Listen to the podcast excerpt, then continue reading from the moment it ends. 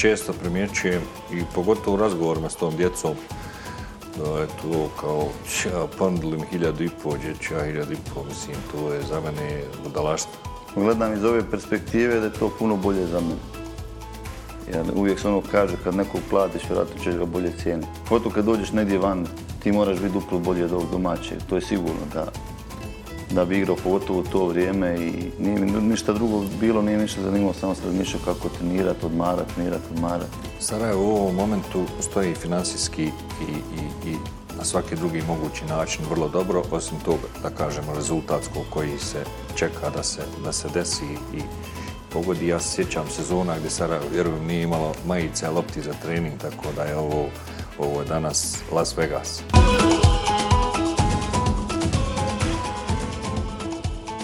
Poštovani gledalci, dobar dan i dobrodošli u novu epizodu podcasta Indirekt. E, Bosna i Hercegovina je imala dosta futbalera koji su svojim nastupima ostavili trag u reprezentativnom dresu Bosne i Hercegovine. E, jedan od njih je svakako moj današnji gost, a sadašnji e, sportski direktor futbalskog kluba Sarajevo, Senijade Ibrić. Senijade, dobrodošao. Hvala na, na pozivu bolje vas našao. Evo, početak je zime, zimskog prelaznog roka, kakva je situacija? Pa evo, boga mi, početak zime, ali možemo reći možda i kraj skoro prelaznog roka, tako da mi smo nekako uspjeli, ono što nam je bio cilj, iskreno, kako sam počeo raditi ovaj posao i u razgovoru uvijek s trenerom pokušamo da nekako probati bar 90% ekipu sastaviti za početak priprema to nekako najbitniji dio cijele sezone, ajmo reći su pripreme i onda uvijek volimo probati riješiti ekipu da je od, od samog starta većina, 90% kažem da stuje, hvala Bogu, mi smo to uspjeli. Ovaj, može se on uvijek desiti, znamo, jedan, dva dolaska, odlaska, ali iskreno mislim da neće biti više toliko promjena, mislim da smo napravili to što smo planirali, sad idemo samo raditi. Tvoj futbalski put je jako interesantan. Počeo si u Bosni i Hercegovini u Sanskom mostu, u Podgrmeću, onda si otišao u, u, u Hajduk na probu, gdje jako interesantno prvi put nisi prošao. Kako, kako je bilo uopšte tamo? Pa jeste, ajde, volio bi ovo što rekli se osvrnuti na taj svoj početak. Mislim da stvarno ovaj, uvijek volim i reći da sam počeo u Podrimeću, u Sanskom mostu, jednom malom mjestu i sad kad sam prestao igrati, kad vraćam film unazad, ono, stvarno moram reći da, da sam ponosan na to, jer svi znamo, nama pogotovo u Bosni, šta moramo sve napraviti proći da bi došli napravili nešto, pogotovo mi iz manjih klubova, manjih mjesta, tako da nekako mi je to najveća nagrada u svemu ovome do sad. A što se toga tiče, pa ništa, mi smo igrali prvu ligu u federaciji s Podgrmećom, 2003. 2004. sezona. Ja sad imam 18 godina, bila dobra sezona, dobro sam igrao i tu su počeli ti neki kontakti klubova, menadžera i tako jednom prilikom sam otišao u Ajduk na, na probu. 2004. je bilo ljetne pripreme i ovaj, bio sam mjesec dana s njima. Odradio dobre pripreme, ako ništa dobro su mi bili spremili za, za Zagreb. ovaj, ali eto, nisam ostao, nisam ostao u Hajduku, ljudi su tamo odlučili tako i tražio sam svoj put onda preko Zagreba. Da, bio si Evo rekao si, bio si u želji na probi, šta se tu desilo? Pa isto mislim da je to bilo ta sezona 2003. Kad, kad je baš počela ta ljetna sezona i, mi ko Podgrmić i ja smo dobro počeli, mislim negdje oko zimske pauze je željo me zvao, došao sam na, isto bio sam 7-7 dana na treninzima i ništa rekli su ono standardu, javit ćemo se. Pratit ćemo. Pratit ćemo te. Ko je bio trener tada? Ja mislim da je bio da je bio Odović, ne bih htio da ja, ja. na dvije treće je bilo moguće da Odović zamijenu, da li možda Osim ili neko prije ja, toga. Ja, Osim je otišao, ja, moguće, je, moguće, ja mislim da je to ta, tako, tako da. E, interesantno, evo ja sam te rekao, ali se dobro sjećam da je tada te 2004. E, Kemal Spahić bio trener u Sarajevu. Znam da je htio tebe, Smajića, Zeca, Vladavića, ovo, evo ti to nisi, ovaj, kažeš, nisi znao, ali ne znam zašto uopšte tada nije došlo do kontakta. I onda ti odlaziš u Zagreb. Kako uopšte dolaziš u Zagreb? Isto te nekako menadžer preporučuje tamo na neku probu ili te oni direktno žele? Ovaj, ne, poslije Ajduka, menadžer koji mi je bio tad i ovaj, koji me je vodio kroz moju karijeru od početka iz Podgrmeća, je ono, kak je dobio informaciju da neće ostati u Hajduku, je tražio vjerojatno drugi klub, hvala Bogu i hvala njemu da je vjerovao u mene. Dogovorio je probu da odem u, u nogometni klub Zagreb. Mislim da za bolji početak profesionalne karijere nisam mogu izabrati bolji klub, pogotovo u to vrijeme, dvije četvrte, znamo da je dvije druge Zagreb bio prvak. Da, da. Bili su prvaci, već treća im je bila lošija sezona, malo financijski problemi i skoro su cijelu ekipu promijenili upravo sve i onda su bazirali se na mlade igrače. I sreća, to sam ja bio u tom momentu na probi. E,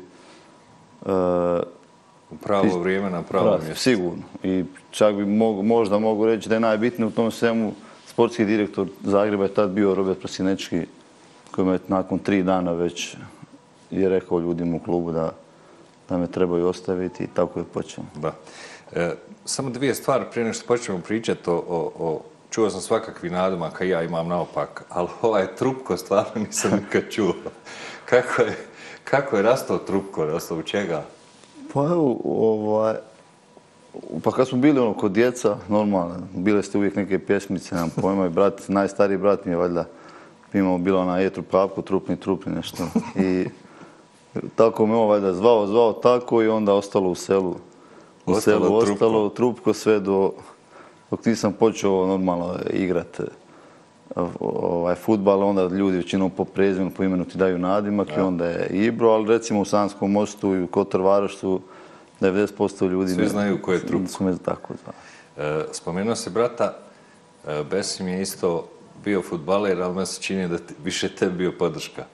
Nekako nije, nije, nije uspio da, da, da napravi nešto više. Pa jeste, mislim, šteta. On je dvije godine stariji od mene i isto ovaj, uvijek ljudi ono kažu, kad su dva brata, onaj koji koji malo, nije ništa napravio, je bolji. bolji tako ja. da, ono, ali eto, ja mogu reći da mislim da je stvarno bio dobar i možda čak bolji od mene.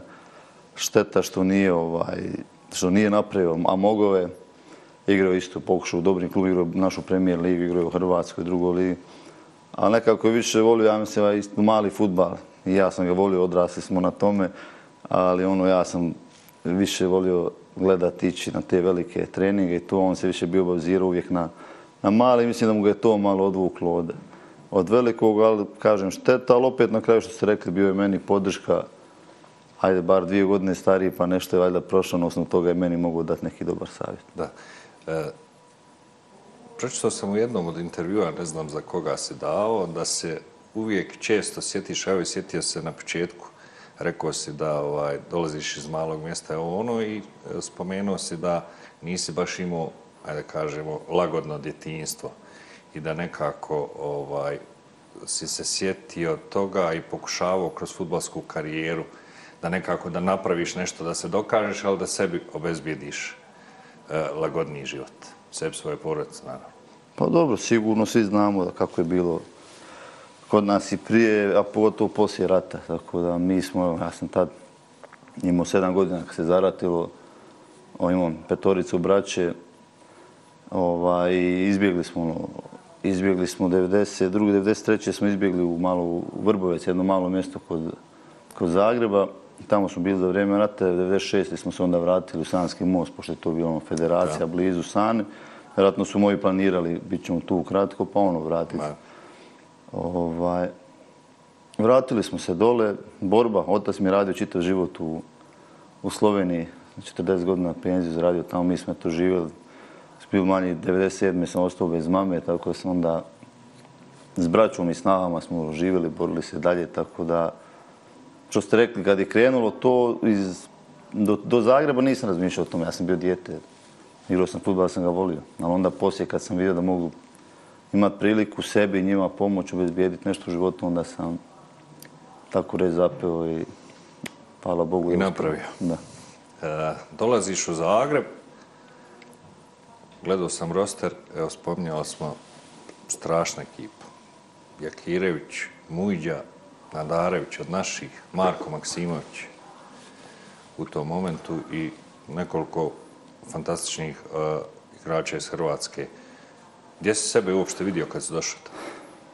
A vidi, iskreno, sad ono kad vraćaš film možeš malo, tako kad dođeš tamo ti ne znaš ništa, samo gledaš šta ćeš naprijed. Ovaj, kad sam došao tamo, bio mi taj cilj samo da probam igrat, uživam u tome.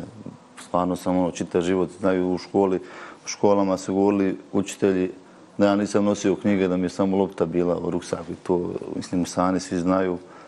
I kad sam došao u Zagreb, sam to isto vidio tako neku priliku. Jer iskreno nisam ja došao u Zagreb, sam došao igrat, ne znam, za 500 eura, znači to... A ja to... Ne gledam, jednostavno sam volio stvarno, ja sam volio, uopće nisam obraćao pažnju, volio sam igrati. Plus to mi je bila neka dodatna motivacija da sam vidio tu, pored sebe, 80% mladi igrača. Ovaj, onda mi, znaš kako razmišljam taj način, borit ću se s nekim mlađim je puno lakše. I hvala Bogu da je, da je tako bilo, kažem, u tom momentu je bilo što, što si ti nabrio, ti par stariji, tu je poslije bio Mandžukić, Vrdoljak, Brkljača, to sve ta generacija kad sam ja došao. Da, da.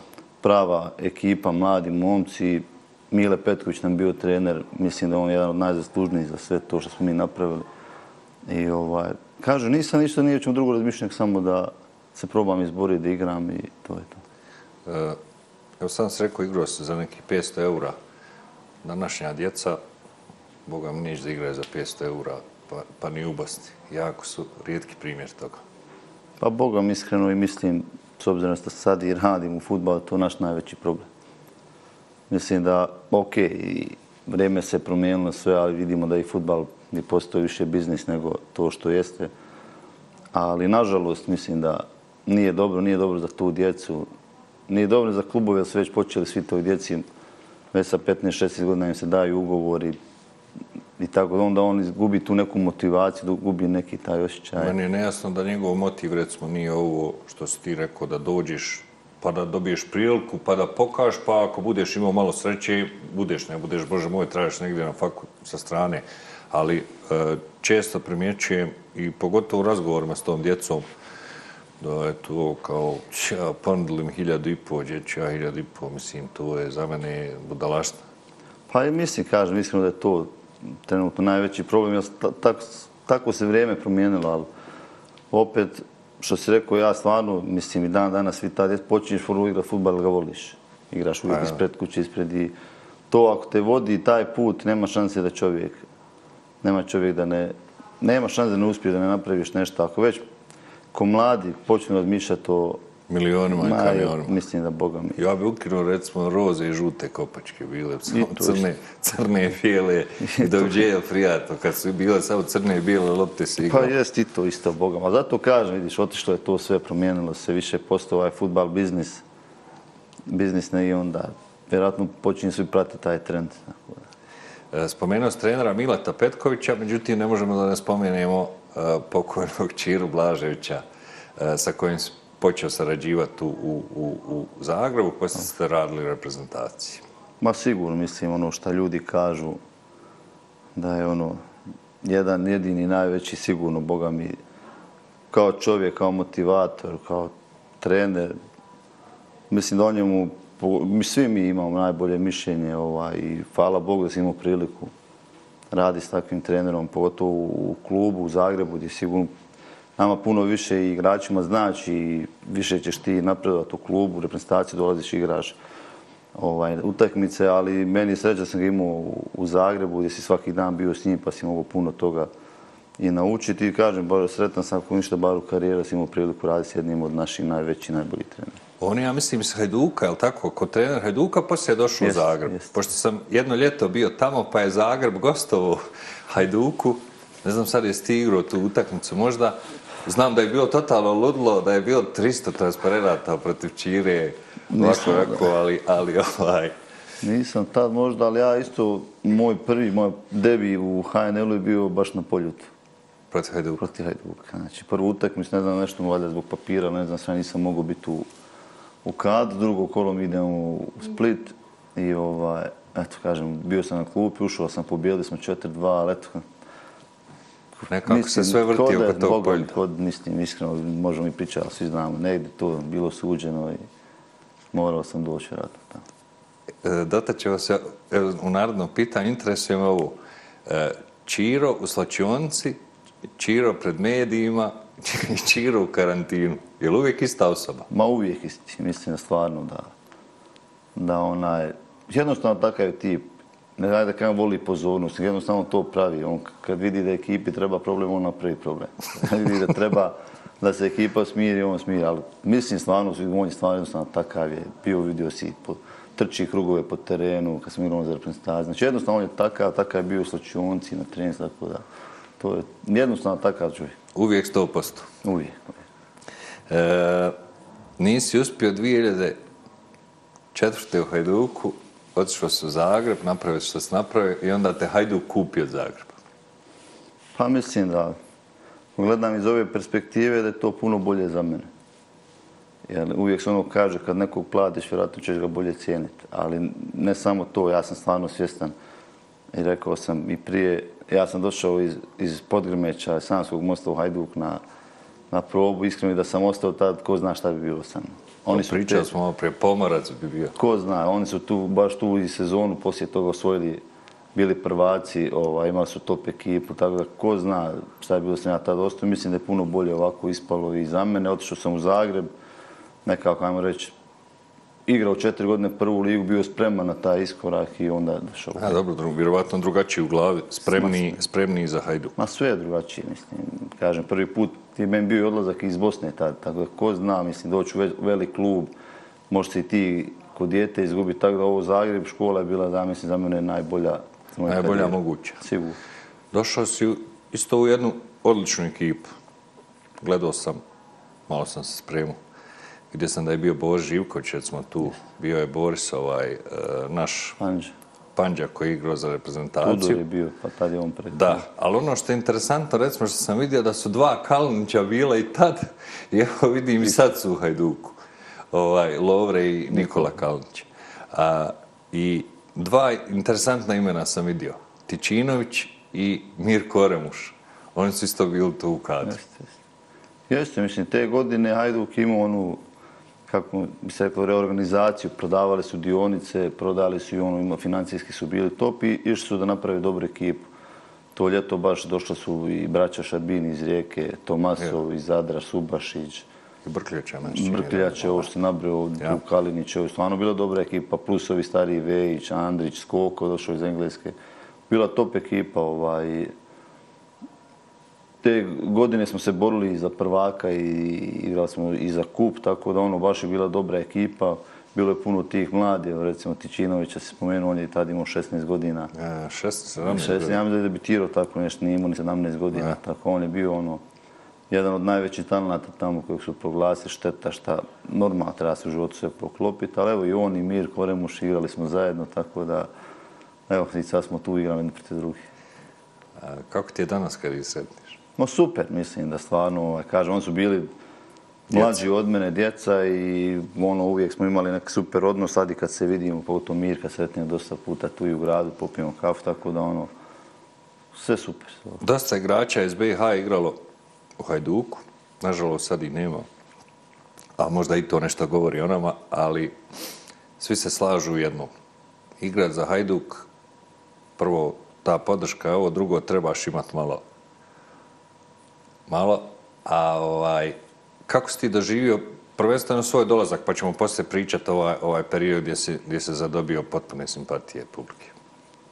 Pa vidi, iskreno, to što si rekao, samo da imaš priliku da te zove Hajduk, mislim da govori samo o sebi i o tebi čak. Znači, već te ljudi cijene i mislim da, Boga mi, kad je bila ponuda, nisam da kažem, razmišljao sekunde, ja sam znao šta je, šta je Hajduk, ono, dok sam igrao, igrao sam eto, finiša četiri godine u Hrvatsku ligu, pa sam vidio ja, šta ja, pa je to. Si, i, imao si potpuni uvid. Tako da, ovaj, ništa, i tad sam ja bio mlad, verujem, 23 godine uvijek ono, smatraš, idem sad tamo, sad se opet moraš tamo boriti da bi zadovoljio ja, cilju. Pa tako, i, i, hvala Bogu, jednostavno kažem, eto, od početka moje karijere je bila nekako, ja sam uvijek rekao, život, borba me to naučilo i gdje god sam došao, ja sam znao da Pogotovo kad dođeš negdje van, ti moraš biti duplo bolji od ovog domaćeg. To je sigurno da, da bi igrao pogotovo u to vrijeme i nije mi ništa drugo bilo, nije ništa zanimalo, samo sam razmišljao kako trenirati, odmarati, trenirati, odmarati.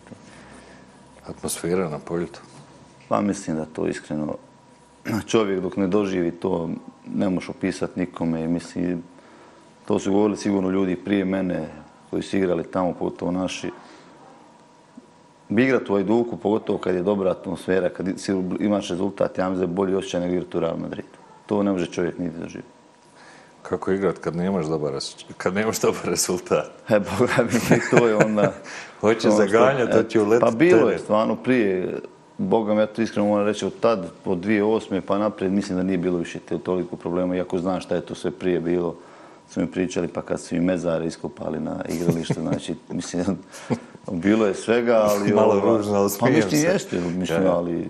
Takvi su bili i ne samo oni, svi, ali oni su pogotovo takvi fanatični ono, kad ide dobro je to, kad je bilo loše, stvarno bilo loše, igrači nisu smjeli ni izlaziti nigde, ali eto, hvala Bogu, to kad sam ja bio, mislim da se sve promijenilo, čak su došli te nove generacije i njih, tako da imali smo podršku uvijek i kad nije išlo normalno da nije kao kad je dobro, ali nije bilo veliki neki problem. Ja sjećam na jednoj od utakmica sam bio, bio sam taj Zagreb i bio sam ovako ljeti, ono, kad odeš na more. Pa samo su oni megafona, gore krene, dalmatinac sam i onda prestane i samo ljudi skidaju majice i samo vrte mi stali isto tri teleta, gledamo oko nas šta se dešava, bože dragi. Pa jeste, jeste, to je stvarno. Ja kažem sad, dan danas, kad god imam priliku, pogotovo te evropske utakmice ili derbi, kad je pun stadion, volim otići, baš zbog tog svega, što si rekao, to jednostavno moraš doživjeti. I ja se nadam, ako Bog, da evo, aj kad smo već tu, da će i kod nas doći do toga, imali smo priliku ništa u derbi sa željom, je Bogam, nije bio pun stadion, ali bilo puno... Ja, bilo više od 20.000 ljudi. I bila prava atmosfera i kamo sreće da nam bude to stano. Da. E, dobitnik si e, hajdučkog srca. To je realno veliko priznanje za, za, za bilo kojeg futbalera koji nastupa za hajduk. Koliko ti je to generalno tada značilo? Pa mislim da je to, kad dođeš u hajduk, znaš da većinom ljudi tome govore, da je to nešto najviše što možeš dobiti ti ko pojedinac od navijača. Tu nagradu kad dobiješ, onda oni smatraju da si kod njih. Kako bi vam rekla? To je to, to besmrtan. Eto, i šta da ti kažem, on opet se vratiš na to sve nazad, gdje si počeo, odakle je došao, to dobiješ tamo, ne može ništa ljepše biti nego samo da zahvališ Bogu na svemu tome, da, da si imao priliku prvo igra za taj klub, a to sve doživjeti, onda opet ti pokazuje nešto si napravio, nešto dobro u, svojoj karijeri za taj klub. Ja uvijek ja govorim, nisam igrao, igraš futbol zbog navijača. I ja, šta, šta še igra, tako ti niko ne gleda, I onda ove, plus kad dobiješ sve te neke dodatne nagrade, ti puno lakše i tebi ko pojedincu isplivati iz toga i stvarno kažem, nekako se najviše ponosan na to da si imao priliku igrati za Hajduk, bit kapiten Hajduka, tad u to vrijeme vjerojatno bio drugi ili treći u povijesti stranac koji je bio kapiten i dobiti nagrad Hajdučko srce, mislim da je to ono što je meni čin, i dan danas čini ponosom u mojoj karijeri. E, tad nekad je krenuo onaj ples miliona, pa smo mogli svaki dan da slušamo kupujete ovaj, kupujete onaj, ali nekako činim se Galata Saraj da je u to vrijeme bio nekako najaktuelniji, ako ništa bar se spominjali ti, ajde da kažem, u to vrijeme ogromni iznosi, iznosi novca. Kako se nosio sada s tim. Vidim, cijelo vrijeme, e, što mi se sviđa kod tebe, je to da, da, da pominješ, da ne zaboravljaš odakle se krenuo i da, da, da se kroz cijelu karijeru o tome razmišljao i to je sasvim fino i volio bi da današnja djeca malo, malo uče na takvim primjerima. A, je li te nekako mijenjalo to? Nije sigurno. Ja čak mislim, to će ljudi reći drugi. Uvijek će drugi reći, ali Ja znam, kažem, u Stanskom mostu, stalno sam tamo. 80% su meni isti prijatelji koji su bili sa mnom od pionira, kadeta, e, isti su mi prijatelji, isti ljudi, oni mogu čak govoriti da sam možda čak i bolji nego što. Ja jednostavno nisam taj uspjeh vidio ništa osim, ništa mi nije bilo bolje nego jednostavno, ok, imao si s jedne strane malo lakši, ljepši život, možeš si priučiti neke druge stvari, ali jednostavno ako osobu mene to ništa nije promijenilo. Ja sam jedva čekao kad ću imati priliku otići u Sanski most, biti sa braćom, sa njima, sa prijateljima i to je ono što, što sam ja, pa i dan danas tako radi. E, nakon, nakon toga, evo rekli smo, bilo je dosta ponuda, bio, bio si, ajde da kažem, jedan od najvrijednijih eksponata Hajduka u, u tom periodu. E, nastupao si u Turskoj, Rusiji, Rusiji Domžale ćemo posebno. E, Iz Turske sam u Iranić. E, bro. Iz I Turske? je Vardar, polusezon. Da, e, sad, sad malo mi je to, čudan mi je taj malo put. Eto, i to ti isto jedan od ti primjera što si rekao, današnje djeca ga neće. Ja iskreno u, u, u Turskoj sam tad igrao i to se može vidjeti. Tu polusezonu, ne znam, od 15-16 utakmica polusezona ja sam odigrao 13. Standardno, znači počinje. I na zimu jednostavno dođe novi trener, baš novi trener došao i kaže Hvala lijepo. ne računa na. Ja mu bar mogu dobiti priliku da se izborim, ne, stranac i ovo ono nebitno. Januar bio i sad, nemaš ti više tu toliko opcija, uopće nisam ni pom- razmišljao o tome, igrao sam standardno polusezonu. I nešto se pokušavalo, vrto nije bilo ništa, dobijem poziv od Vardara. Tad je ovaj, Vardar bio stvarno isto u super Da. situaciji, htjeli su napraviti nešto novo, bio Rusova što je imao i rukometni klub. Goce Sledovski bio sportski direktor, on me nazove i šta ću ja u tom trenutku govorim svojima, radi, hoću idem igrat, radi idem igrat šest mjeseci, nego da šest mjeseci Ma, tu da ga vrtiš oko vrtim da sjedim na kao što ja danas već našim ovim igračima koji sad kod nas trenutno u toj situaciji govorim, ali okej, nismo svi isti. Ali jednostavno nisam, kad su mi rekli to, spakovao sam se, otišao sam pola godine igru u Vardare, ti imao priliku osvojiti bar jednu. Eto, to mi je jedina titula. titula Ja, imaš kup s Hajdukom. Da, ali recimo prv, prva, Prvak države, prva, ja. eto, to, tako da opet za nešto dobro, otišao sam odigrao tamo polusezonu, poslije toga se opet vratio u Tursku i to. Nakon što evo, odradio sve te epizode i, i Rusiju i sve, e, dolaziš u Domžale i ono što je meni bilo interesantno, za Domžale si odigrao najviše utakmica u, nekom klubu, čini mi se 160, 180 utakmica si odigrao i nekako te Domžale su u suštini, hajde da kažem, sada odredili taj neki tvoj put.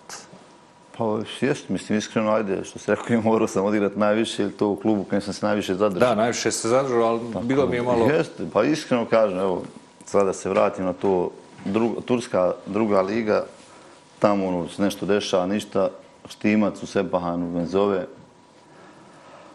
da dođem tamo u Iran, nisam imao pojma ništa, šta, kako, okej, normalno, znamo svi, opet, 31. godina, ajde idem bar još nešto uzeti, Da se ima. da se da zaradiš, eto još. Ja. Već smatraš, to je zadnji su ti vozovi, to je to, on me zovne, nisam znam, pomišljao nikada da ću otići tamo, ali eto bio je on, bili su još dva trenera iz Splita, dakle, hajde, neću biti sam, idem s njima, odem tamo polusezonu i vratim se iz Irana. I sad razmišljam šta će, 32. godina, Rano Boga za prestat. Eto, Boga mi. A bio sam blizu toga, malo se nakupilo svega toga, Turska druga liga nije bilo kako treba, Sepan, Iran nije. I ovaj, Hajduk me zove, kad je bio ovaj Koz predsjednik, Hajduk me zove, unutra, normalno će sve novo da naprave. Hoćeš, hoću. Ono što je, gledao sam kada je Zeka pričao Turković, isto je bilo, to mogu bi oni, taj predsjednik Kos može potvrditi, nismo isto pričali uopće ugovor, ja sam rekao, Ma kako Ok, hajmo daj doću. Evo, Boga zna, znači, u dan danas sjećam, žena bila e, djeca, rekao, idemo tamo, idem probati, tak daj Bože, ako može, ako ne, svakako prestajem, planirali smo ostati u Splitu živjeti. I ona, dogovor, kaže on, super, sve, dogovorili se mi, dođem ja u Split, sad čekamo, on, on me zovu, kada samo se strpi da predstavimo trenera, da te ne predstavimo prije tebe. Poslije toga dođe trener Pušnik iz Slovenije i onda znamo, svi se dešavalo, on me kao će testirati, neke ja. testove, što ja rekao da ne bi to, ne znam, u Nisam za realu, a ne u testiranje. Hajduku, pogotovo u klubu, kada sam nešto napravio, nisam jednostavno, takav sam bio, u životu sam sve napravio sam nekako na težak način i volim to da me može niko nešto prebaciti. To sam odbio i dođe poziv iz Kopra prvo. Ja u Kopar, isto tako rekao, hajde odu, iskreno govorim, odu možda još proba godinu, da vidim ono da odem tamo i eto, od Kopra do, do Domžala šest godina sam igrao, mislim da sam iskreno kažem, poslije Hajduka najviše uživao futbal, pronašao se nekako tamo, liga top, država odlična, Slovenija sređena. E, pogotovo onda kad sam došao u Domžale, klub top, 80% mladi igrači, oni su imali najbolju, imaju ta, najbolju školu tamo, činimo mladi, trener bio Rožman, i nekako jedna, jedna po jedna, ja sam mislio, a jedna sezona druga, ostanem pet godina ko igrač i A jel ti žao što si, ovaj, to što nisi htio da pristaneš na ta testiranje, to, nije mi žao što nisam htio predstaviti, žao mi je što nisam završio karijeru. ja što nisi dobio priliku u Hajduku, ali nije ti žao zbog svoje odluke? Ne, to mi nije žao zato što kažem, Ne, glupo je malo neko da tebe u 32. drugoj godini godini testira. nakon svega što sam, ali ti to je 16. vjerojatno, ja sam opet to shvatio. Ja sam mogu možda i preći preko toga. Ali sam već shvatio tu, ne možeš ti sad Ja, zvoniti dobro. igrača, čaj dođi, ne znam sa neko ime na probu, to znači samo mu nađeš neku manu. Ne, dobro, rekao, I s te strane sam ja nekako to shvatio ne zbog kvalitetu. Jedno što kažem, nije mi žao ni sekunde, ali mi je žao što nisam. Ja sam nekako uvijek zamišljao da bi mogu završiti karijeru na poljudu. Ali ako ništa, to opet ima nešto. Opraštao sam se, oprostio sam se kad je bilo 100 godina i Duku, kad je bio pun stadion protiv, ja mislim da je Slavija Prag bila. Tako da opet nekako ima neku lijepu uspomenu, zadnja utakmica na punom polju. Tako da uvijek nešto kroz život donesi nešto. Da. E, u Domžalama je s tobom bio i trenutni golman Želje Mulalić. Jeste, ja, mi smo igrali, mi smo igrali pet godina zajedno. Poslije toga sam ja bio godinu dana direktor. I evo sad smo u istom gradu, samo u drugim klubovima. u drugim bojama. Ali smo prijatelji i mi smo normalno. Da, sasvim, to je Kad sasvim dođeš, normalno. gdje god dođeš, prvo s kim se veže, vežemo se mi Balkanci, kad je bilo nekim drugim zemljama, Sloveniji, nekako mi Bosanci. I stvarno on i ja i familijarno smo postali ono super, družimo se, tako da... E, Dosta si emotivan tokom utakmica. Sad, pusti ovu futbalsku stranu, to te vide svi na terenu, to je, to je lako, ali ima ona klupa, pa malo prekriveno. Dosta burno i često burno reaguješ. Onako, vidim, iznervirate neka sudija, pa skočiš ovo, ono. Pa mislim, vidi, kažem ti, cijelo vrijeme spominjemo borba, borba, vjerojatno ono, ja sam bio takav uvijek i ovaj, gdje god sam došao sam se, eto, tako reći, nametnuo, nema kluba u kojem sam igrao gdje sam bio kapiten, vjerojatno to samo po sebi dođe.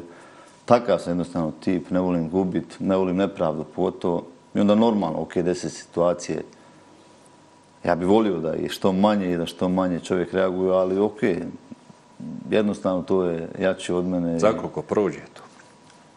Pa vidi, zavisi od situacije. Ajde, kad smo već krenuli, recimo situacija u Banja Luci me držala par dana. A ove druge situacije normalno, znaš kako, ako potak pobjediš, to se sve zaboravi, ako, tako da od situacije do situacije. Koliko te držala situacija u Sloveniji na utakmici sa Radomljem, kad je bilo valovi fizike? Ma ništa, evo, Boga to je dobar primjer. Završila utakmica, mi postigli cilj, izborili Evropu, vjeruj mi, Boga nisam razmišljao sekunde više o tome.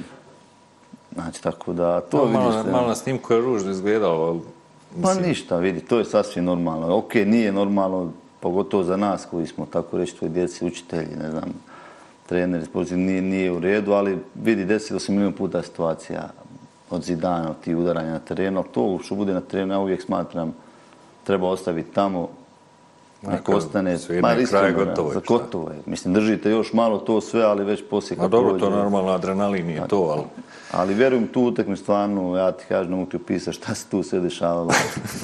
ovaj, igramo s Radomljem, ljudi svi misle on je naš klub, to je 5 km na sedmi od drugi. Nama treba pobjeda i onda smo, mi smo sigurno u, u Evropi. Evropi. Ova, tu sezonu stvarno prošlu smo mi imali daleko najmlađu ekipu u ligi. Moj prvi posao, tek sam počeo raditi, Simon došao kod trenera, znači napravili smo nešto novo i eto, hvala Bogu, tako na onom blizu smo bili, da napravimo neki pravi uspjeh. I sad govorim, ta utakmica odlučuje nama, mi s pobjedom smo milijon posto u Evropi, ako je izgubimo, moramo se poklopiti rezultat u Kopri. I onda počne svega tu da se dešava cijela sedmica, jedva čeka, moliš Boga da je samo sutra utakmica da što prije završi. I jednostavno nije se poklopilo, vidio sam da, da je Radomlje baš ono, su zapeli, što je normalno, igrali su ovaj, nas nije išlo ništa, mlada ekipa, strah. I nekako, znaš kako ti krivo ti je sve i onda u tom momentu ja dobijem, čujem informaciju da tamo Mura vodi protiv Kopra, što znači on zna da smo mi u Evropi, tu ja nešto malo s trenerom se porječkam, dobacim i tako je, ali kažem, to je već završilo poslije. e, tu si upoznao Rožmana, jel? Rožmana sam upoznao, da, kad sam došao u Domžala, on je bio trener Domžala 2016. sezona 2017. Iz Kopra sam ja došao u Domžalu, on me dobro. I od tad traje e, vaša saradnja. Sad, jako je teško, vjerovatno, da, da, da, da te pitam kakav je, šta je reći da je najbolji, ali, ali me interesuje, kod njega mi se sviđa što je onako jako korektan i, i, i uvijek je otvoren za sva pitanja, za sve, za sve odgovore. E, Kako ga ti vidiš nekako s te, s te s druge strane? Pa vidi, ja iskreno govorim ono što si rekao. Ako s nekim si dugo, znači vjerojatno smatraš da ima nešto.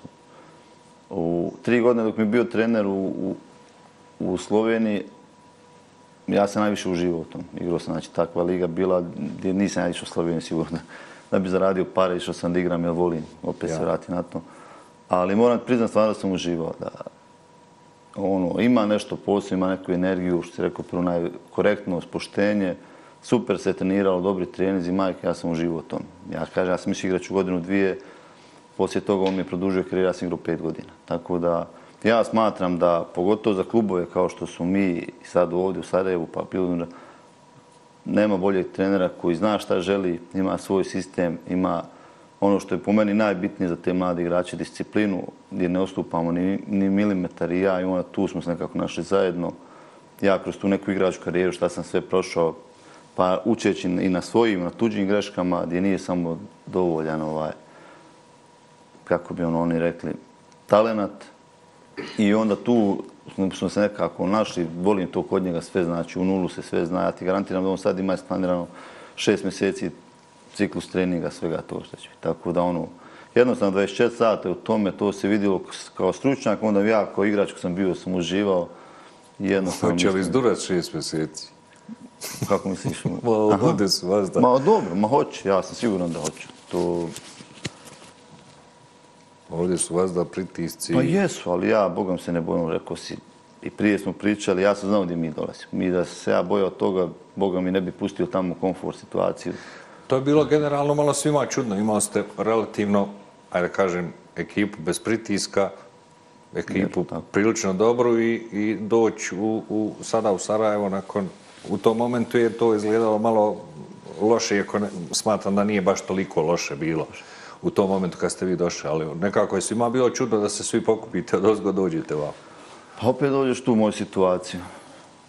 Cijeli život borba, Mislim, ja tu nisam svačio kao borbu, shvatio sam kao jedan veliki izazov.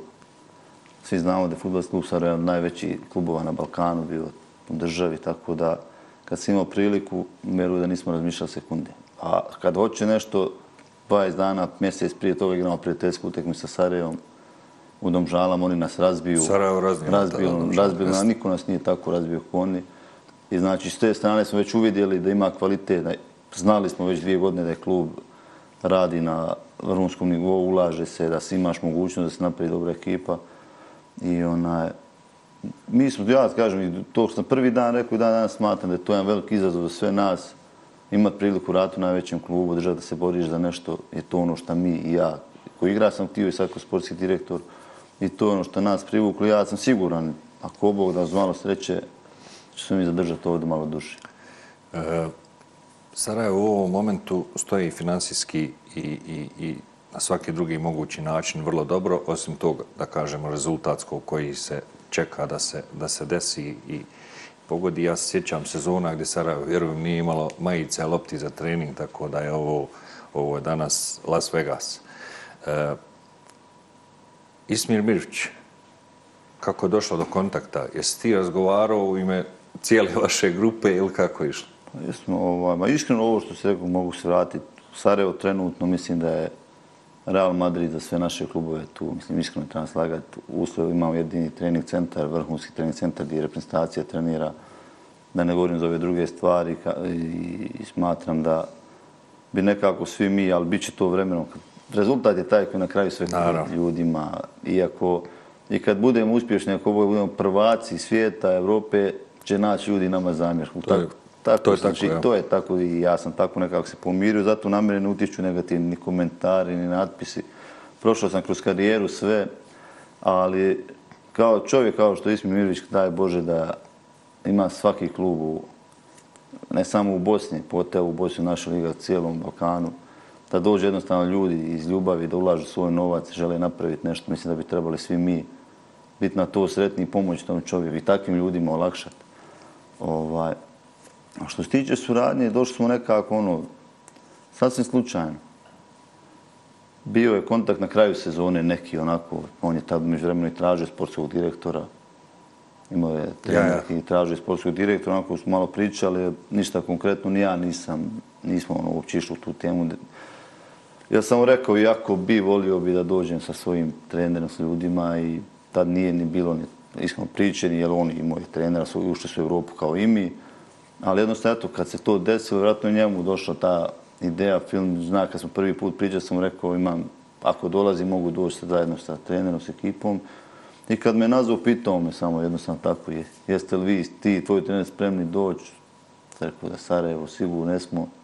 Našli smo se, pričali pet minuta. I eto, Jesu vam zamjerili u Domžalama gore? Pa nisu, Bogom, vidi iskreno, iznenađeni su bili što je normalno. Počeli smo raditi nešto već novo već tamo pripreme. i pod pripreme Evropa, ispali smo iz Evropa, ajde, ali jednostavno to je takav klub, rekao sam ti gdje ovaj, najviše radi s mladim igračima i taj klub samo u Sloveniji se održava od, od transfera, mladi igrač, prodaje nebitno i bili su oni svjesni možda ako dođe za nas mogućnost da će negdje otići, ali eto jednostavno imao sreće da smo imali stvarno predsjednik i bio ljudi na 25 godina, je čovjek predsjednik Domžala. I samo kad su mu došli, rekli ideju, ću pitao, jel vi želite tamo ići? Ja sam rekao, šta, pruži ruku i dođenje. evo, Boga mi ovako je bilo, sjedili smo, kažu on, jel vi želite tamo ići? Ja kažem, želim predsjedniče.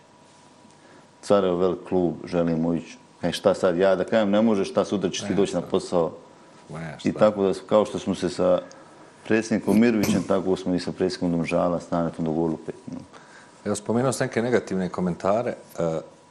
Onog momenta kad, kad je bilo objelodanjeno da, da dolazite u Sarajevo, onda su naravno se počele vrtiti neke izjave u kojima si ti govorio da simpatišeš ili navijaš za želju, ili kad ste bili mlađi ti brat, kad bi gledali to, onda naravno stvarno snimak grbavice, pjevanja ovoga, onoga. E, kako si ti gledao na to u tom momentu? Pa vidi, ja sam znao, ono što si rekao, sve se zna, znači kod nas ljudi uvijek gledat Evo. sve negativne stvari, ništa dobre ovaj, šta si napravio, tako da iskreno i tad i dan danas izjavljujem, potvrđujem da nikad nisam rekao sam ja navija želji. Sam simpatičan, ono, bilo je pitat nekog simpatišeš, simpatišeš, Ma, dobro, možeš nekog simpatišati, Znači, nikad nisam bio da sam navijač, ne znam, bilo koje kluba bi bio na, na utakmici. Znači, nikad nisam išao na jednu utakmicu, o- osim Podgrimeća da sam igrao, n- iskreno govorim, ali nebitno, kažem ti ljudi. U tom momentu onda pjesma Grbavca, to je sasvim normalno, moj prijatelj, kum je Džeko, svi znamo isto ko što je on pjevao sa mnom, sigurno, ne znam u tom momentu dok sam ja nešto, Hajdukove pjesme, ali sam siguran, vjerujem da je bilo pjesama i Sarajevo, ljubav i moja, gdje smo pjevali, sigurno niko nije izbacio. I neće, kažem ti Ja, jedno. dobro. Zato ti govorim, mislim, ja sam znao šta će biti, ali ti govorim, kad smo sve dotakli, ja sam iz reprezentacije otišao 2014. Ovaj, u najboljim godinama, 29. godina, sam otišao poslije Brazila, sam vidio, ti znaš šta se kod nas sve dešava, Da, to ćete posebno pitati. onaj, da će kod nas ljudi sve oprostiti osim uspija. Mi smo otišli u Brazil, ok, ljudi, to je bilo euforija, to ne pričat ljude, ali re- recimo u našem savezu, mi kad smo to napravili, znači kod da ništa nismo napravili. Kao to, to mi smo morali biti tamo, prvi put u otišli. I šta se desilo poslije? Evo vidim. Evo, vidimo gdje smo i dan. Znači, umjesto da smo mi krenuli s tim, sve jednostavno, od reprezentacije, pa u de, prošle deset godina, sad će deset godina od to. Mi nismo bili napravili ništa do zadnjih godina dana gdje se počeo praviti tereni kod nas. E, to ono govori ono, jednostavno kako smo mi umjesto da pomogne jedni drugima, da olakšamo on, jedni drugima, ne, jednostavno ljudi će ti kod nas sve ovo prosto osim uspija. Ali opet se vrati, kaže, ja sam bio svjestan, ja sam znao šta će tu biti. Ne treba se mi ni lagati. U mom poslu, u stvari prije dok sam bio igrač, je bilo dobri igrača, loši igrača. Sad ima direktora, dobri loši, novinara, dobri loši, čast zvecima. Da se ne lažemo u Bosni, mi znamo kako funkcioniše svijet. Ma, Naruči se tekst, plati se. Zato govorim, ima svakakvi ljudi. Ne trebamo se lagat. I ja sam i toga svjestan. I zato ti govorim, meni je puno lakše, Boga mu sad, i hvala Bogu, iskusni sam, prolazim to sve. Na neko kad napiše nešto negativno, znam da piše zato što iz nekog drugog razloga, ne zato što misli da je tako. Jer ne možeš ti meni reći navijač Sarajeva, bilo koji klub, evo sad primjer Sarajeva, navijač Sarajeva da će pričati protiv svog kluba. Pa kako, ajde reci, molim te, ajde No, navijač to, za taj to, je, klub. to je budalaština. To je. Zato ti govorim, znači, i onda se nađe uvijek neko drugi tamo. Navijači Sarajeva su oni koji dođu na utakmicu, daju podršku, pa evo i zadnji dan, zadnji utakmica s Goškom kad je bio minus, hladno, dođu ljudi, ti ti su pravi navijači. Ok, neki ne mogu, ali recimo meni i nama što je jedino značilo bilo poslije Goška i na stvar poslije ekstremskog saopštenja Hodizla. E, to su za, za mene navijači, oni pravi, istinski, koji su svaku utakmicu, koji idu sa klubom, putuju i to je ono što nama daje motiv za više. Ove priče sam ti rekao, vjeruj mi, to sve može biti. E, pa i bivši igrači, bivši treneri, toliko idemo daleko da je to ružno. Da je to ružno. Kajem, evo ja sam sad, govorimo, pričam neka jedna legende. Legende, mi kao legende. Ja sam igru Hajduku, šta ja sam, i okej, okay, rekli sam legende Hajduku, šta sad mene treba tamo čekat mjesto? Ovaj duh ne razumijem. Ja to, to meni nije jasno. Zato hoću reći ono kako... Ja sam sad počeo raditi u Dom Žalama, čim sam presio sam počeo raditi, želim, kao što sam bio igrač, da napravim drugu karijeru. Trenutno, da, naravno, pa Došao sam u Sarajevo da bi išao, možda poslije negdje dalje, da napravim u Sarajevo. E, to je moj cilj. A kod nas pričamo legende, legende, pa gdje nama legende radi? Mislim, ružno je to što ja moram reći, ali to odgovorim, to boli, boli ti si iz tog istog posla. Da. I umjesto da podržavamo jedni druge, da smo kolege, mi gledamo ko će kome.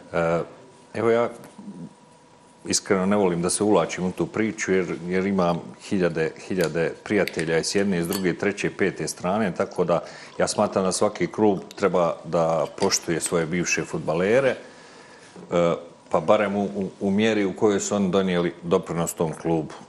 Znači, evo, ko što si ti, ne znam, svako mora, recimo, ko je u Hajduku, da cijeni to tvoje hajdučko srce koje je nekad pomoglo Hajduku da igra proljeće u Europi i tako dalje i tako dalje. I ne smatram da, da je to garant bilo čega da je Hajduk nešto obavezan prema tebe, ali smatram da se treba poštovati.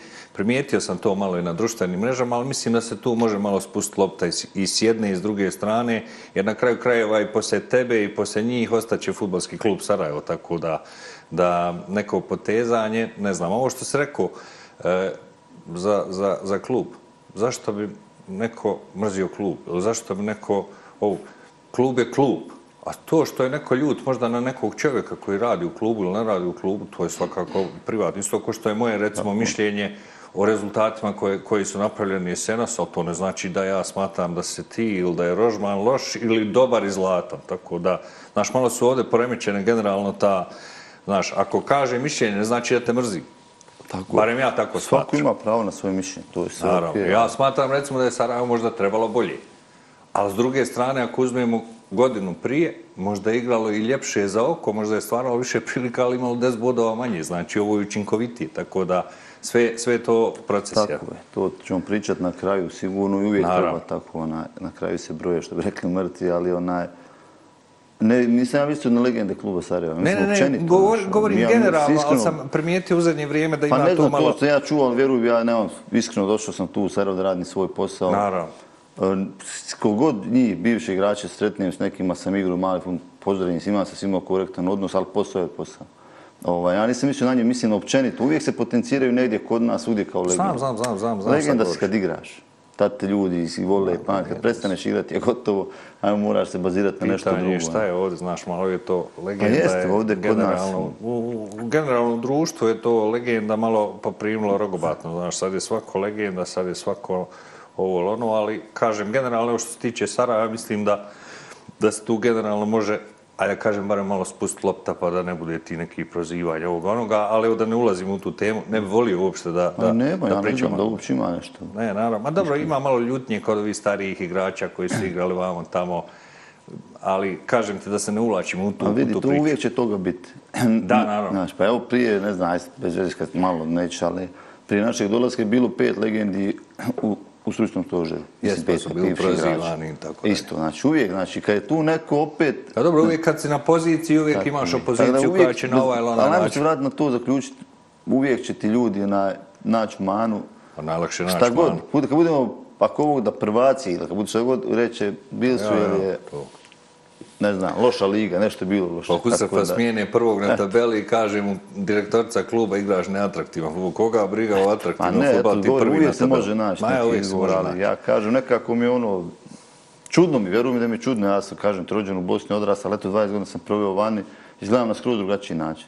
Ako nisam tu, stvarno ću pomoći, ako si ti na mom mjestu, ako mogu ću ti pomoći. Pa naravno, neću ti odmah. Ma, vjeruj mi, to sigurno. Svega. Sad ja sam došao tu, daj Bože, zadržim se duže, otiće neko, doći neko drugi, kogod je tu nek rade, ljudi, sam pusti ljude nek rade. Pa naravno. Rezultati za nas sve priče. Znači, vjeruj mi, za, ba, to, je to je sve, svugdje, i to je svugdje, i tako da ne može ne, nakon tri mjeseca neko reći nešto ne valja, nešto je dobro, ali uvijek će se naći, ali ne može ni, ni sad neko reći da nije dobro, nakon koliko godina je Sarajevo pobjedilo Zrinski? Ja, dobro, dobro, Sarajevo. Pa želju na koliko. Pobjediš sve pa kao i ono zadnje kolo izgubiš, mi igramo sa Zrinski, zadnje kolo pobjediš ti iz drugi. Ljudi bi svi rekli da je top. Jest, Izgubili smo, sad smo, slučajno ti četiri. ne- ne Pa. A sve isto, jedna utakmica mi je. To je jedna utakmica, A tu kaže, opet se vrati na to, to smo mi, ljudi će ti sve oprostiti, to si im ali Dobro, malo, malo, znaš, treba znati gledati. Recimo, evo, Borac ima prednost koju ima, pa igra, ne znam, dva puta sa Zrinskim, nek izgubi dva puta, pa nek kiksne s Velež, vam tamo, opet je Zrinski u igri, ali sad opet ŠBB, KBB. E, od kako si došao u Sarajevo, dovodite igrače koji su onako po, poprilično mladunjavi. E, za razliku od nekih godina gdje su znali doći igrači od, ne znam, 30 godina. Ovo, je li to neki, pošto rekao sam da ste to u Domžalama radili, je li to neki plan za buduće? Evo sad vidimo, ne znam, ovaj Krđalić, pa ovaj mali Crnogorac, pa e, ne znam, Hašću je 22, koliko mu je, da ovaj Crnogorac drugi, on je Đuričković. 23, jest. pa ono, Matanović. Ja, Matanović, ovaj, Matmanović i Nosuma. je li to neka, ajde da kažem, strategija kojom ćete se baviti? Pa vidi, ne nema tu, sada da kažeš nešto ekstra planova, ali smatram da nekako za uspjeh trebaju ti mladi, gladni momci. Nekako gledam na taj način. Pogotovo imaš priliku dovesti momke iz, koji za sebe imaju top škole. Evo, u tom primjeru smo dosta doveli igrači iz Dinamove škole, ne znam, iz Crne Gore, odakle god nebitno. Vidiš da ima potencijal, da ima kvalitet za futbolski klub Sarajevo. Ovaj, I još plus pogotovo ako je mogućnost da je mlad, sad ćeš ljepši. Tako da nije to, nije garancija mi, ako Bog da planiramo napraviti normalno po svom, daj Bože da bude tako, moraš imati i par iskusnijih igrača, to je sasvim normalno Da, svugdje pa to naravno, pravilo. toga. Tako da, ovaj, ali nekako uvijek gledamo interes kluba, dovodiš potencijalne igrače i kvalitet i da je Ja, da potencijalno za... da, da ga prodaš. Da. To sigurno, ja vjerujem u to što dovodimo, smatram da stvarno imaju kvalitet, da Sarajevo potencijal, pomognu nama, pomoću mi njima i na kraju klub može biti u plus i to ono nekako čime se mi vodimo. Ne možemo mi uspređivati i neće biti sigurno taj put Domžale Sarajevo isti ne može biti jer je Sarajevo Ja, puno je pun- drugačija puno veći klub, startna. klub koji će se boriti za, za prvaka, za više, više ciljeve, tako da pravit će se filozofija kako bude trebalo od sezone do sezone. Ma, treba i tu malo, malo ozbiljnijih glava da, da, da, da se slože, da mogu da podnesu to, jer realno Sarajevo je malo, malo veći zalogaj. Možda Sigurno, svima, nama, ja ti kažem, ja u 38 godini sam prihvatio jedan veliki izazov, tako da sigurno i mladim igračima, ali treba jednostavno i napraviti balans. Treba napraviti balans ekipe. Nismo došli tu malo nezgodno vrijeme, tako da ne samo mi, uvijek kad neko dođe nov, moraš sad nešto, tako da pokušavam nekako na taj način da izbalansiramo i da pravimo ekipa Koboda koja će biti spremna za, za borbu za najveće cilje. A šta je ono što će vas zadovoljiti na kraju ove sezone? Pa, sigurno, Dupla kruna. to je sigurno. Trofej Da. mora biti, ja. ok, mi, Borac bježi, bježi, ja tamo reći 12 bodova, nije ni to nedostično, nego si imao, imaš puno utakmica, to je tamo ali neki drugi način. Imamo priliku i za kup, ovaj, znači jedan od trofeja mora biti, to je cilj sigurno, i izlazak u Evropu, gdje želimo u Evropi ako voda probati napraviti jedan dobar rezultat i na taj način se nekako ekipa i priprema.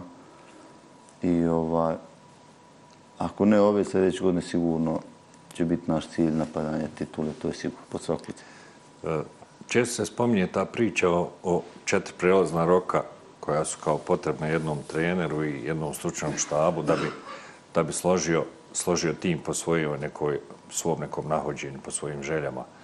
E, smatraš li da je to istina ili... Ma ne mislim da je to isto previše.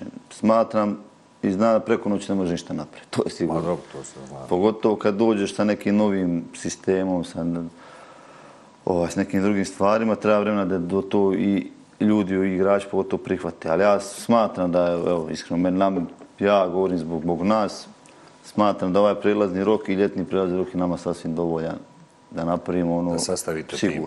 Znači, sad smo, evo, nismo htjeli ići previše, evo, dobili smo četiri, pet igrača ukupno, ovaj mali ostaje na poslu, znači četiri.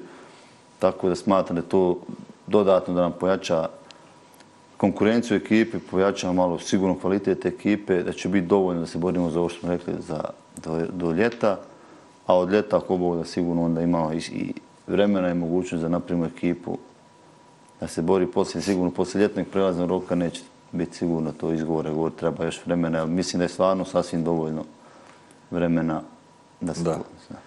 Uh, Rožman je tokom jeseni često govorio to da su nova ekipa, da se tek upoznaju, da ovo, da ono, iako realno već je, već je odmicalo, imao je već nekih, čini mi se, 16-17 utakmica i kup.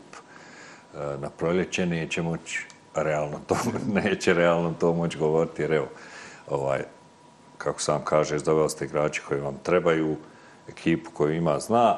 Uh, puno igrača ima koji su otpisani.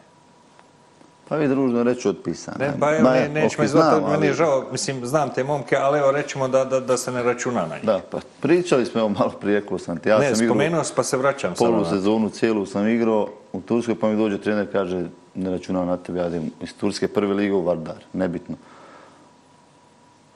Najteže nama. Meni, vjeruju, još pogotovo sam bio igrač, pa znam kako igračima, ali opet, iskreno kao igrači ti mogu reći, ako iko korektan donji sam ja. Evo danas, juče, kad smo počeli prozivku, ja sam rekao odmah momcima koji nisu u planu trenera, nisu, jednostavno nema potrebe da se lažemo, ni mi, ni oni, da imaš, da imaju sasvim dovoljno vremena da, da sebi nađu u klubu. Prva stvar. Druga stvar, ne može igrati 30 igrača. Bez veze. Znači, nam na treningu je dovoljno 22 igrača.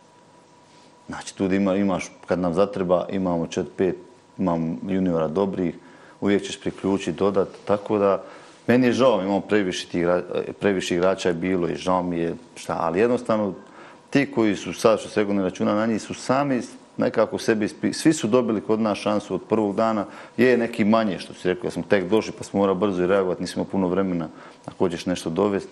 Ovaj, neki su dobili dvije sedmice, neki više, svi su imali šansu i na kraju krajeva to samo, uh, ajmo reći, ne računa se na nje više, samo tako je stručni stožer odlučio, nemaju kvalitet za sada. Ništa drugo, mislim, nemaju kvalitet. Mo, mo, ovi drugi što su tu, po nama imaju bolji. Ništa drugo, vjerujem. No, Dobro, vi ste ti koji donosite odluku i vi ste ti koji odgovarate za rezultat. tako. Ali evo, ako zanemaramo rezultat, koliko je to uparama? Pa vidi, iskreno, realno jeste. I to je problem. Šteta. je ali po- opet ti kažem, skupo. opet je šteta, mislim, i malo nema logike ti- da ti imaš u prvoj ekipi 30 igrača. To je, u startu se napravi greška, zato treba mi pokušavamo napraviti to što te rekao, koliko je dovoljan broj igrača.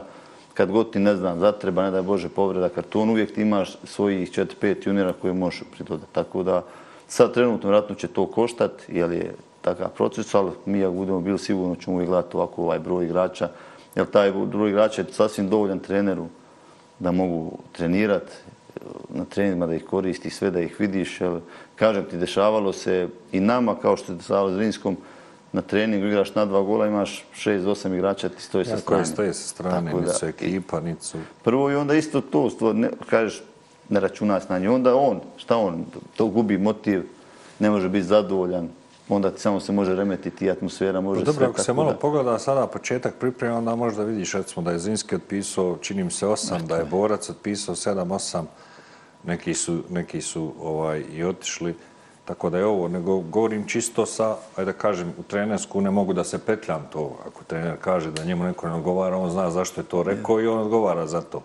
Ali govorim čisto sa finansijske strane, jer nekad ovako, kad, kad bi stavio na papir, Financijski košta jako, je, jako je to puno para. Mislim, ozbiljne su to pare za, za, za BiH Jeste, futbol. jeste, to iskreno slažem se s tim i ovaj, kažem ali opet u startu je nekako napravljena greška kad dođeš tu stvar da vedeš toliko igrača, nebitno, ali vjeruj mi da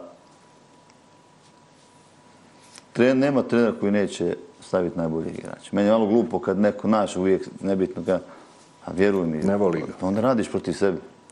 Znači, trener radi protiv sebe ako neće staviti nekog. Tako da kažem, meni je žao stvarno ti momaka, ali evo, izišao maksimalno smo korektni bili na vrijeme, sam svima rekli, ja bih volio da mogu svirati, ali ne mogu i na kraju moraš odlučiti. I ovdje jednom kažem šta je odlučivalo je samo kvalitet, je, je trener, stožer, svi mi zajedno odlučili da su ti neki koji su tu kvalitetniji od ovi ništa drugo. Šta ti fali u ekipi?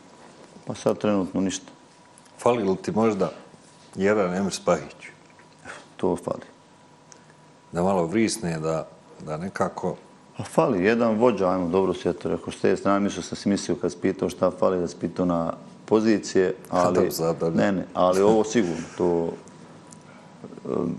malo nije ni to slučajno da se vidimo u gostima da ekipa igra skroz drugačije, jer vjerojatno, znači, fali, iskreno to smo svi primi primijetili, fali nam jedan vođa, fali nam baš jedan onako vođa koji može to povući, ali nadamo se to da ćemo uspjeti to riješiti. Ovaj, ali kamo se reći da ima jedan poput Spahića, poput takvih igrača koji su bili vođe u svojim klubovima i reprezentacijama.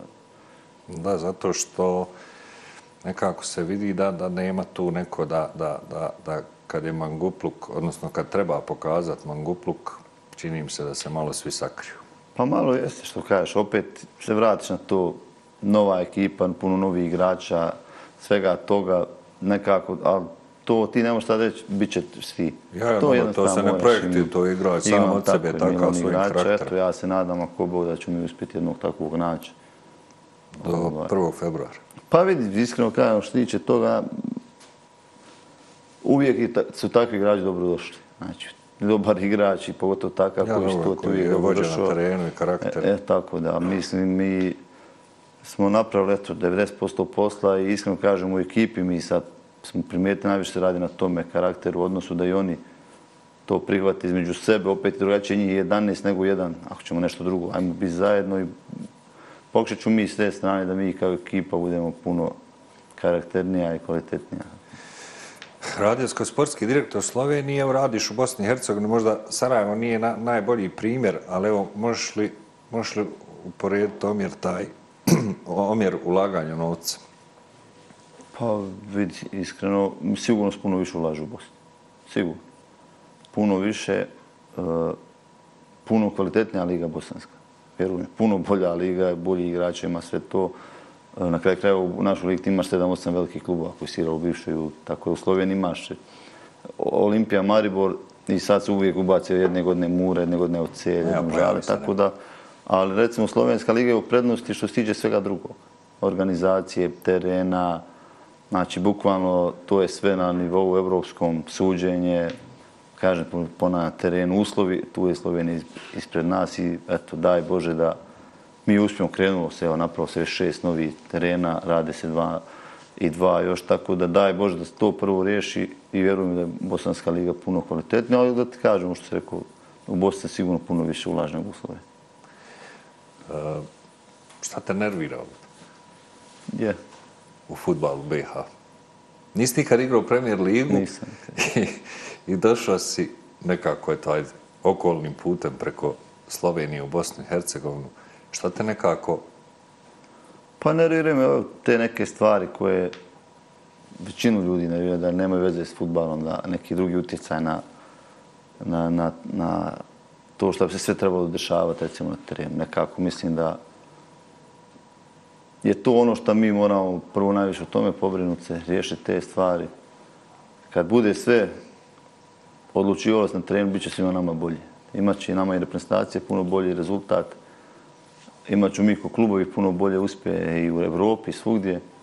Tako da, iskreno, pozitivno sam iznenađen s našom ligom, rekao sam ti s kvalitetom, mi sad u malu partiju novi terena, ali ove druge stvari moramo poditno promijeniti ali kažem ti, to se trenutno vidi na svim drugim poljima, od reprezentacije, od evropskih utakmica, evropskih rezultata.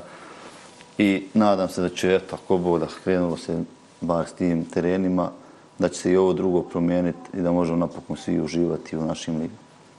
Spomenuo se reprezentaciju, a to je svakako neizastavan dio uh, tvoje karijere i uspjesi koje si napravio sa, sa, sa, sa selekcijom Bosne i Hercegovine. Eto, to je jedan od najljepših dijelova karijere, opet za mene, da kažem ti, u Sanskom mostu počet, podgrme ću doći, imati priliku igra za svoju državu. Mislim da je to stvarno najveći ponos što čovjek može doživjeti. Klubske strane smo rekli sve što se tiče Ajduka, ali reprezentacija je nešto drugo. Imaš ovaj, svaki naš, svako dijete koje počinje da loptu, sanja, sanja o tome. Hvala Bogu, ja sam imao tu priliku samo debitovat za reprezentaciju, pogotovo biti dio te generacije koja je napravila povijesni rezultat, otići u Brazil i mislim da isto, Boga mi kaže, ono, to je nešto ono, na, što sam najviše ponosan uz Hajduk i ovo da jednostavno to da doživiš, doživiš svoju karijer nešto veliko za sve igrača, pogotovo i nas, koji ja uvijek govorim, koji smo počinjali u tim manjim sredinama, manjim klubovima. Mogu samo reći da sam ponosan, da mi je drago da sam imao tu priliku. U reprezentaciji se stekao i neke, slobodno možemo reći, i, i životne e, prijatelje, evo sam spomenuo, Džeko, Kum, e, cijela ta neka vaša generacija koja je, koja je izborila taj Brazil, nekako držala se zajedno. E, vidiš li danas, to opet se vraćamo na ono, vidiš li danas u reprezentaciji to nemamo ni spahića, nekako ne, ne, ne izgledamo zajedno. Ne. Čini mi se da je da je totalno drugačija. Iskreno, da se ne lažemo, ne vidim. Ta naša generacija stvarno, bez obzira da smo mi bili do, kvalitetni igrači, da nismo bili stvarno i kvalitetni karakteri ljudi, mi smo stvarno imali vrhunsku generaciju, i igrački, i karakterno, top atmosfera, vjerujem, oni koji nisu igrali, svi smo bili ono jedan za drugog. I ja mislim, prednost te generacije po meni što je više od 50% nas rođeno u Bosni, odraslo u Bosni, normalno posljedno, nema štire sad ovoj našoj djeci. Ma ja, dobro, to je. Primorane su, ali nekako drugačije se osjeti, drugačije mi znamo, ja znam tako sam ti sam zgo, možete šta ja meni znači igra za postavljake, malo toj djeci koja su, nažalost, odrasti vani, ali silom prilika, silom prilika, tako da se ne razumije. Jedino to sigurno mi fali, Mislim, mi ne lažemo, imamo sad dobri igra, dobri, igrali svi u dobrim klubovima. Ali jednostavno, mislim, ko ekipa nismo, jer opet i puno drugih stvari utječe na sve to. I dogod nam se to ne popravi, Bogam bojim se da ćemo teško uspjeti doći blizu onoga što. Da smo u problemu. Ne mogu da se ne dotaknem tog tvog odlaska iz, iz reprezentacije koji nekako onako nije bio ni malo lijep. Pa nije mi se jednostavno, rekao sam ti, Kad se izborio Brazil, već je krenula priča, ne valja ništa. Uh, izborili smo Brazil, po meni 95% isti ekipa igrala te kvalifikacije. I onda poslije se počne pričati, mi nemamo ekipu za Brazil. Pa ko izborio taj Brazil? I s obzirom da radiš taj posao, znaš sve šta se počne se dešavati. Ne valja ovaj, telefon. Zvone, tako da onaj, nažalost, mi koji smo izborili to, ja to ja sam, hvala Bogu, nekako bio to što otišao sam tamo, imao si igrača koji su odigrali preko 50% utakmica u tim kvalifikacijama, izborili Brazil, nisu otišli Brazil. I onda mi očekujemo kao napravit ćemo nešto tamo. Pa ne može. A iskreno, vjeruj mi, igrački kvalitetom, mi nikad nismo mogli lakše proći tu grupu. Nigerija nikad lošija nije bila, vjeruj mi. Ja. Ali jednostavno, sam početak tog svega, šta se sve dešavalo, momci koji su izborili, nisu dobili priliku to što su drugi koji nisu ni utakmice odigrali kvalifikacije, pa ne može ne dati ni Bog. Vjeruj mi, mi možemo pričati što će ne dati Bog. On kaže, i onda poslije to što se sve krenuo dešava. Sve je otišlo. Znači, u roku godinu dana, dvije smo mi od Brazila, znači svjetskog prvenstva, smo uništili sve. I to je ono što kaže, takvi smo mi, teško napravimo nešto, ali Boga mi najbrzo to se uništi. Evo samo još jedno pitanje u vezi reprezentacije futbala. Gledao sam nedavno spisak U19 reprezentacije BiH na kojem nije bilo, možda je malo ružno što ćemo spominjati, dijete, nije dijete, već je puno ljeta, Bakira Nurkovića. Za mene je nejasno da, da momak koji je debitovao za prvi tim, kapiten je prvaka države, igra ligu prvaka, ne bude pozvan u U19 reprezentaciju za koju ispunjava se uslov. Ja sam iskreno mislio da je imao neku povredu, pitao sam dijete šta ti je, kaže ne znam, nisam dobio poziv. Koliko generalno i naši klubovi su krivi za takve neke, neke stvari. Zato što se ne poziva, zato što pušte da se dešavaju sudijske greške, da se dešava... Pun, iskreno pun. Klubovi se gotovo nikako ne, ne, ne, ne, ne, ne oglašavaju oko toga. Jednostavno, što si rekao, vidi, ja tu pratio sam prije, sad sam tu radim, a sami smo krivi. Sami smo krivi da se jednostavno došli u takvu situaciju da, eto, rekao si, na kraju kvalitet ne, ne, nije taj koji odlučujući. Mislim da je to stvarno i žalostno i ružno. I onda opet se vraća na to, očekujemo naprijed rezultat kako. Ali jednostavno ja se nadam da je došlo vrijeme da će svi prvo ljudi u Savezu koji rade početi voditi računa o svemu tome, pa mi koji radimo u klubovima početi da se napravi jedan zajednički stav, da se tu drugačije neće ići. Svi trebamo imati isti interes, to je samo rezultat. Što mi klubovi budemo imali bolje rezultate, bolje igrače, bit će bolje reprezentacije. Pa naravno, to je, to je sasvim normalno. Ja se nadam, eto, nekako, uvijek sam bio pozitivan i da, da i oni su svjesni svega toga u Savezu, da mora, prvo od njih, od Saveza taj koji mora to kad oni počnu da ću mi klubovi si to podržati, sve do tad će nam biti ovako kako je. Mrka kapa, neću da te uvlačim, mogu bi sada da te ali obavljaš funkciju sportskog direktora, pa neću da te, da te uvlačim, ali mogli bi sada pričati o sudijama i načinu rada Saveza ovog onoga očekivanja od baraža. Pa vidi, iskreno, po meni smo dobili opet možda Najteže protivnika koji je jest. biti. Znači, opet, kad pogledaš, vratiš, je li to slučaj? Nema vezi. Ali ja stvarno imam dobro očekivanja, zato što ako ništa u svemu tome pozitivno da gore ne može biti rezultatski. Bilo je stvarno puno toga eksperimentisanja ovo ono i imaš prednost da igraš kući. Tako da ja nekako stvarno pozitivno razmišljam. Svi ćemo mi koji možemo imati priliku ćemo otići tamo da damo podršku, da igramo opet kući, nekako mislim da nam je tu prednost. Ukrajina stvarno po meni ima vrhunsku ekipu. Evo sad im igrači igraju u svi top klubovima. Ovaj, Biće teško, se ne lažemo, po meni su oni favoriti, ali eto, nama dajem nekako tu neku nadu, prednost. Možda i zadnja prilika ovaj, za to evropsko i igramo kući, ja nekako mislim da bi mogli ko Bog da napraviti iznenađenje, ali opet i ponavljam, bit će teško, oni su favoriti, ali nekako ima neko pozitivno razmišljanje i nadam se da bi mogli, kad iskreno najmanje ljudi očekuju, Mi najviše napravimo. najviše napraviti. To me nekako ono što mislim. Senija, za kraj imamo igru asocijacija. Ja tebi kažem neki pojam, ti meni odgovoriš na što te to asocira. Pa evo za početak NK Zagreba. Trebamo u sebi ili uopće? Ne, ne, ne, sam, ti samo kažeš na što te asocira. NK Zagreb. Prvaci, Hrvatski, druge godine. E, Ismir Mirović, Predsjednik futbolskog kluba Sarajeva. FK Sarajevo. Najveći klub u, državi. Stadion Poljte. Je najbolji stadion na kojem sam igrao. E, Torcida. Najbolja navijačka skupina pred kojom sam imao priliku. BH Fanatikos. Naša najbolja skupina sigurno što se tiče reprezentacije. Edin Džeko. Najbolji prijatelj igrač svih vremena Bosne. Emir Spahić. Najbolji kapiten. E, Sanski most. Moj grad.